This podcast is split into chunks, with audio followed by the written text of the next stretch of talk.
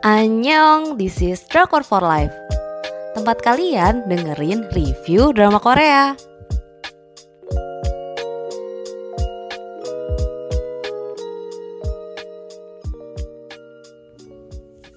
Review drama Korea The Veil. Drama ini bikin curiga ke semua orang. Dengan stasiun penyiaran MBC tanggal penayangan tuh 17 September sampai dengan 23 Oktober 2021. Jumlah episodenya ada 12 episode untuk ratingnya 3 dari 5. Selanjutnya aku bakal bacain sinopsisnya. Han Ji Hyuk adalah seorang agen rahasia negara NIS atau National Intelligence Service. Dalam misinya di Cina, dia tidak bisa dihubungi kemudian dinyatakan hilang. Setahun kemudian dia ditemukan di perahu yang berisi perdagangan organ ilegal.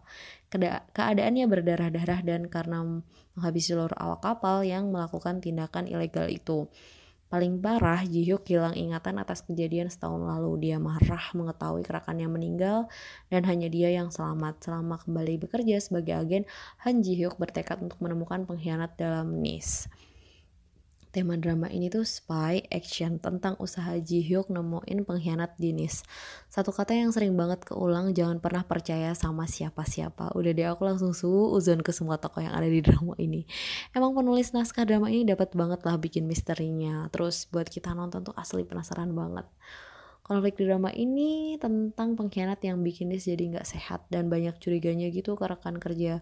Semua saling curiga jadi susah ngebedain mana kawan mana lawan. Apalagi kasusnya nih ya si Jihyuk hilang ingatan. Oh iya, kondisi Jihyuk ini ternyata emang disengaja sama dia. Di awal dia ditunjukkan kalau dia sengaja minum obat hilang ingatan biar dia nggak inget apa-apa.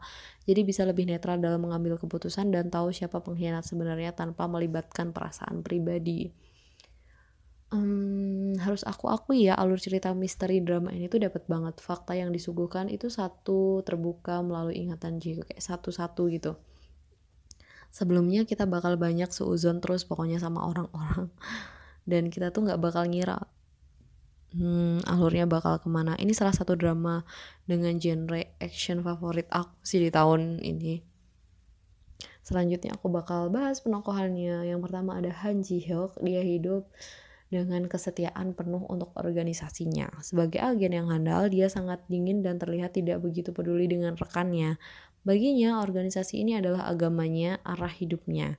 Misi adalah yang utama. Jadi ya dia memang bergerak dan bertindak karena misi, karena organisasinya. Dia nggak mempedulikan hal lain. Apalagi setelah dia kehilangan ingatannya, yang dia pedulikan cuma bagaimana menemukan siapa pengkhianat dan tidak mempercayai siapa pun. Selanjutnya ada Jae, dia adalah agen yang bekerja di kantor dan bersiap sebagai agen lapangan. Ternyata ayahnya dulu juga agen, tapi ayahnya menghilang dan tidak kembali sejak dia di bangku SMP. Nah, kasus ayahnya ini emang mirip sama kasusnya Ji gitu. Ke mana rekannya, ke mana ayahnya gitu. Hmm, masalahnya ayahnya nggak balik sedangkan Ji bisa balik. Jadi, Jae mau membantu Ji Hyuk untuk menemukan pengkhianat dan berharap menemukan fakta tentang ayahnya lewat Ji Hyuk. Jae adalah anak yang ceria dan dengan kepribadian terbuka. Meskipun demikian, Jae karakternya uh, yang kuat bisa bikin Ji Hyuk mempercayai seorang partner. Untuk love line ya, jangan harapkan ya. jangan berharap ada love line lah di drama ini. Drama ini tuh tangguh, tangguh banget kalau tiba-tiba punya love story bakal jadi cheesy sih. Emang pihak perempuan bakal jadi ancaman tahanan terus ntar nyelamatin nyelamatin gitu kan dramanya bikin males ya. Terus tapi ketika Jihyuk ketemu Ji itu chemistry-nya tuh dapet terus mikir pengen mereka punya love story tapi mungkin enggak ya di drama ini. Ada scene selangan Ji ditarik Jihyuk aja aku udah deg-degan gitu loh.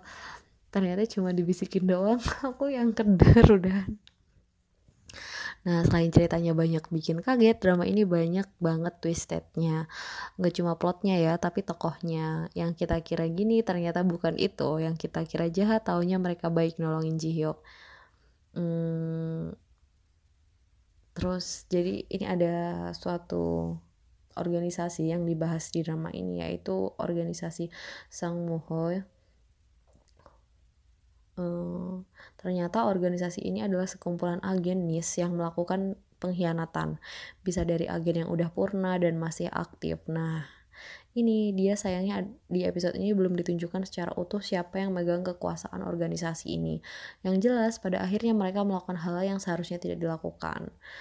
Terus uh, inti permasalahan kemudian itu mengerucut menjadi urusan politik. Sama seperti kebanyakan drama ya akar permasalahan semua ini juga urusan politik tentang monopoli pemenangan calon presiden selanjutnya yang dilakukan mulai dari memanipulasi informasi agar dapat menekan publik hingga mempengaruhi pilihan mereka. Ini tuh serem banget sih mereka udah nggak main black campaign lagi ecek-ecek kayak negara kita jatuhin lawan pakai isu negatif tuh enggak lagi gitu. Mereka langsung main manipulasi data buat menggiring opini pers di masyarakat Terus selanjutnya di drama ini adalah something new yang pengen aku bahas yaitu tentang bom EMP. Dalam drama ini ada sebuah bom yang bernama bom EMP. Ceritanya bom ini bisa melumpuhkan semua perangkat elektronik seperti HP, listrik, mobil, eh, mobil transport atau dengan maaf atau transportasi dengan sistem komputer ya jadi itu bikin lumpuh semua perangkat komunikasi down parah sih terus aku googling dong jadi EMP atau kepanjangan dari electromagnetic pulse merupakan keledakan elek energi elektromagnetik yang singkat dan dapat mengganggu terus merusak kerja alat-alat elektronik.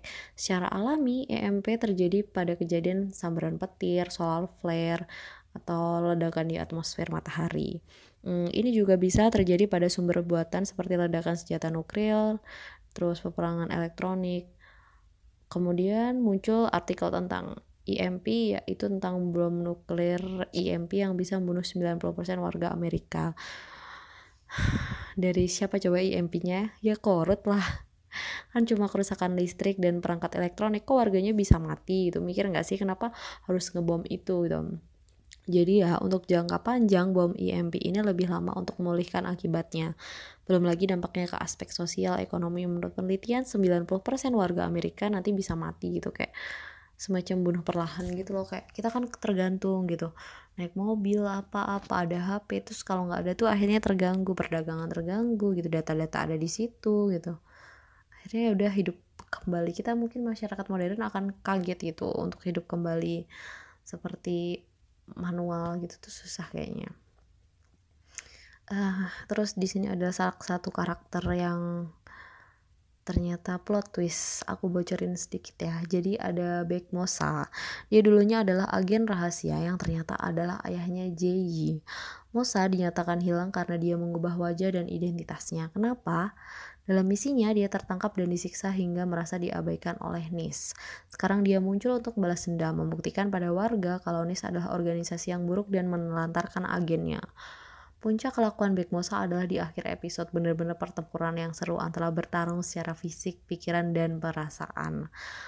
Alur cerita di drama ini tuh ketata apik banget sukses bikin aku termangap-mangap tiap potongan clue dari kebenaran kebuka satu-satu.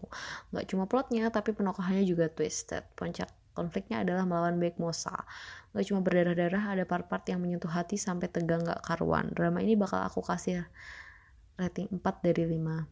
Tapi buat nonton lagi aku mikir-mikir bukannya umet ya, cuman aku tuh drama misteri emang cocoknya tuh sekali tonton. Soalnya udah ketahuan habis ini gimana-gimana jadi vibes tegangnya tuh suka hilang terus selanjutnya aku bakal sedikit spoiler. Jadi buat yang gak suka spoiler bisa berhenti di sini. Terima kasih buat yang udah denger Terus buat yang mau lanjut spoiler, dengerin lanjut di sini. Jadi drama ini berakhir di episode 12 dengan pertempuran Nis dengan Baek Mosa.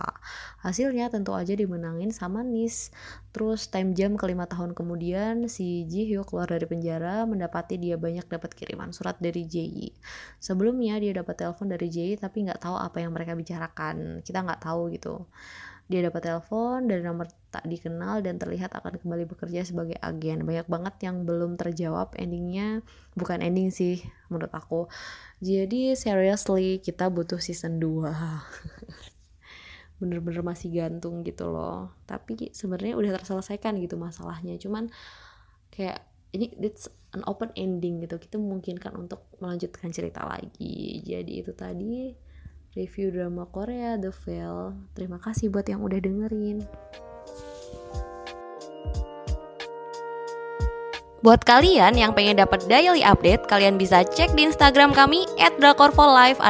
Jangan lupa live-nya pakai Y. Terima kasih.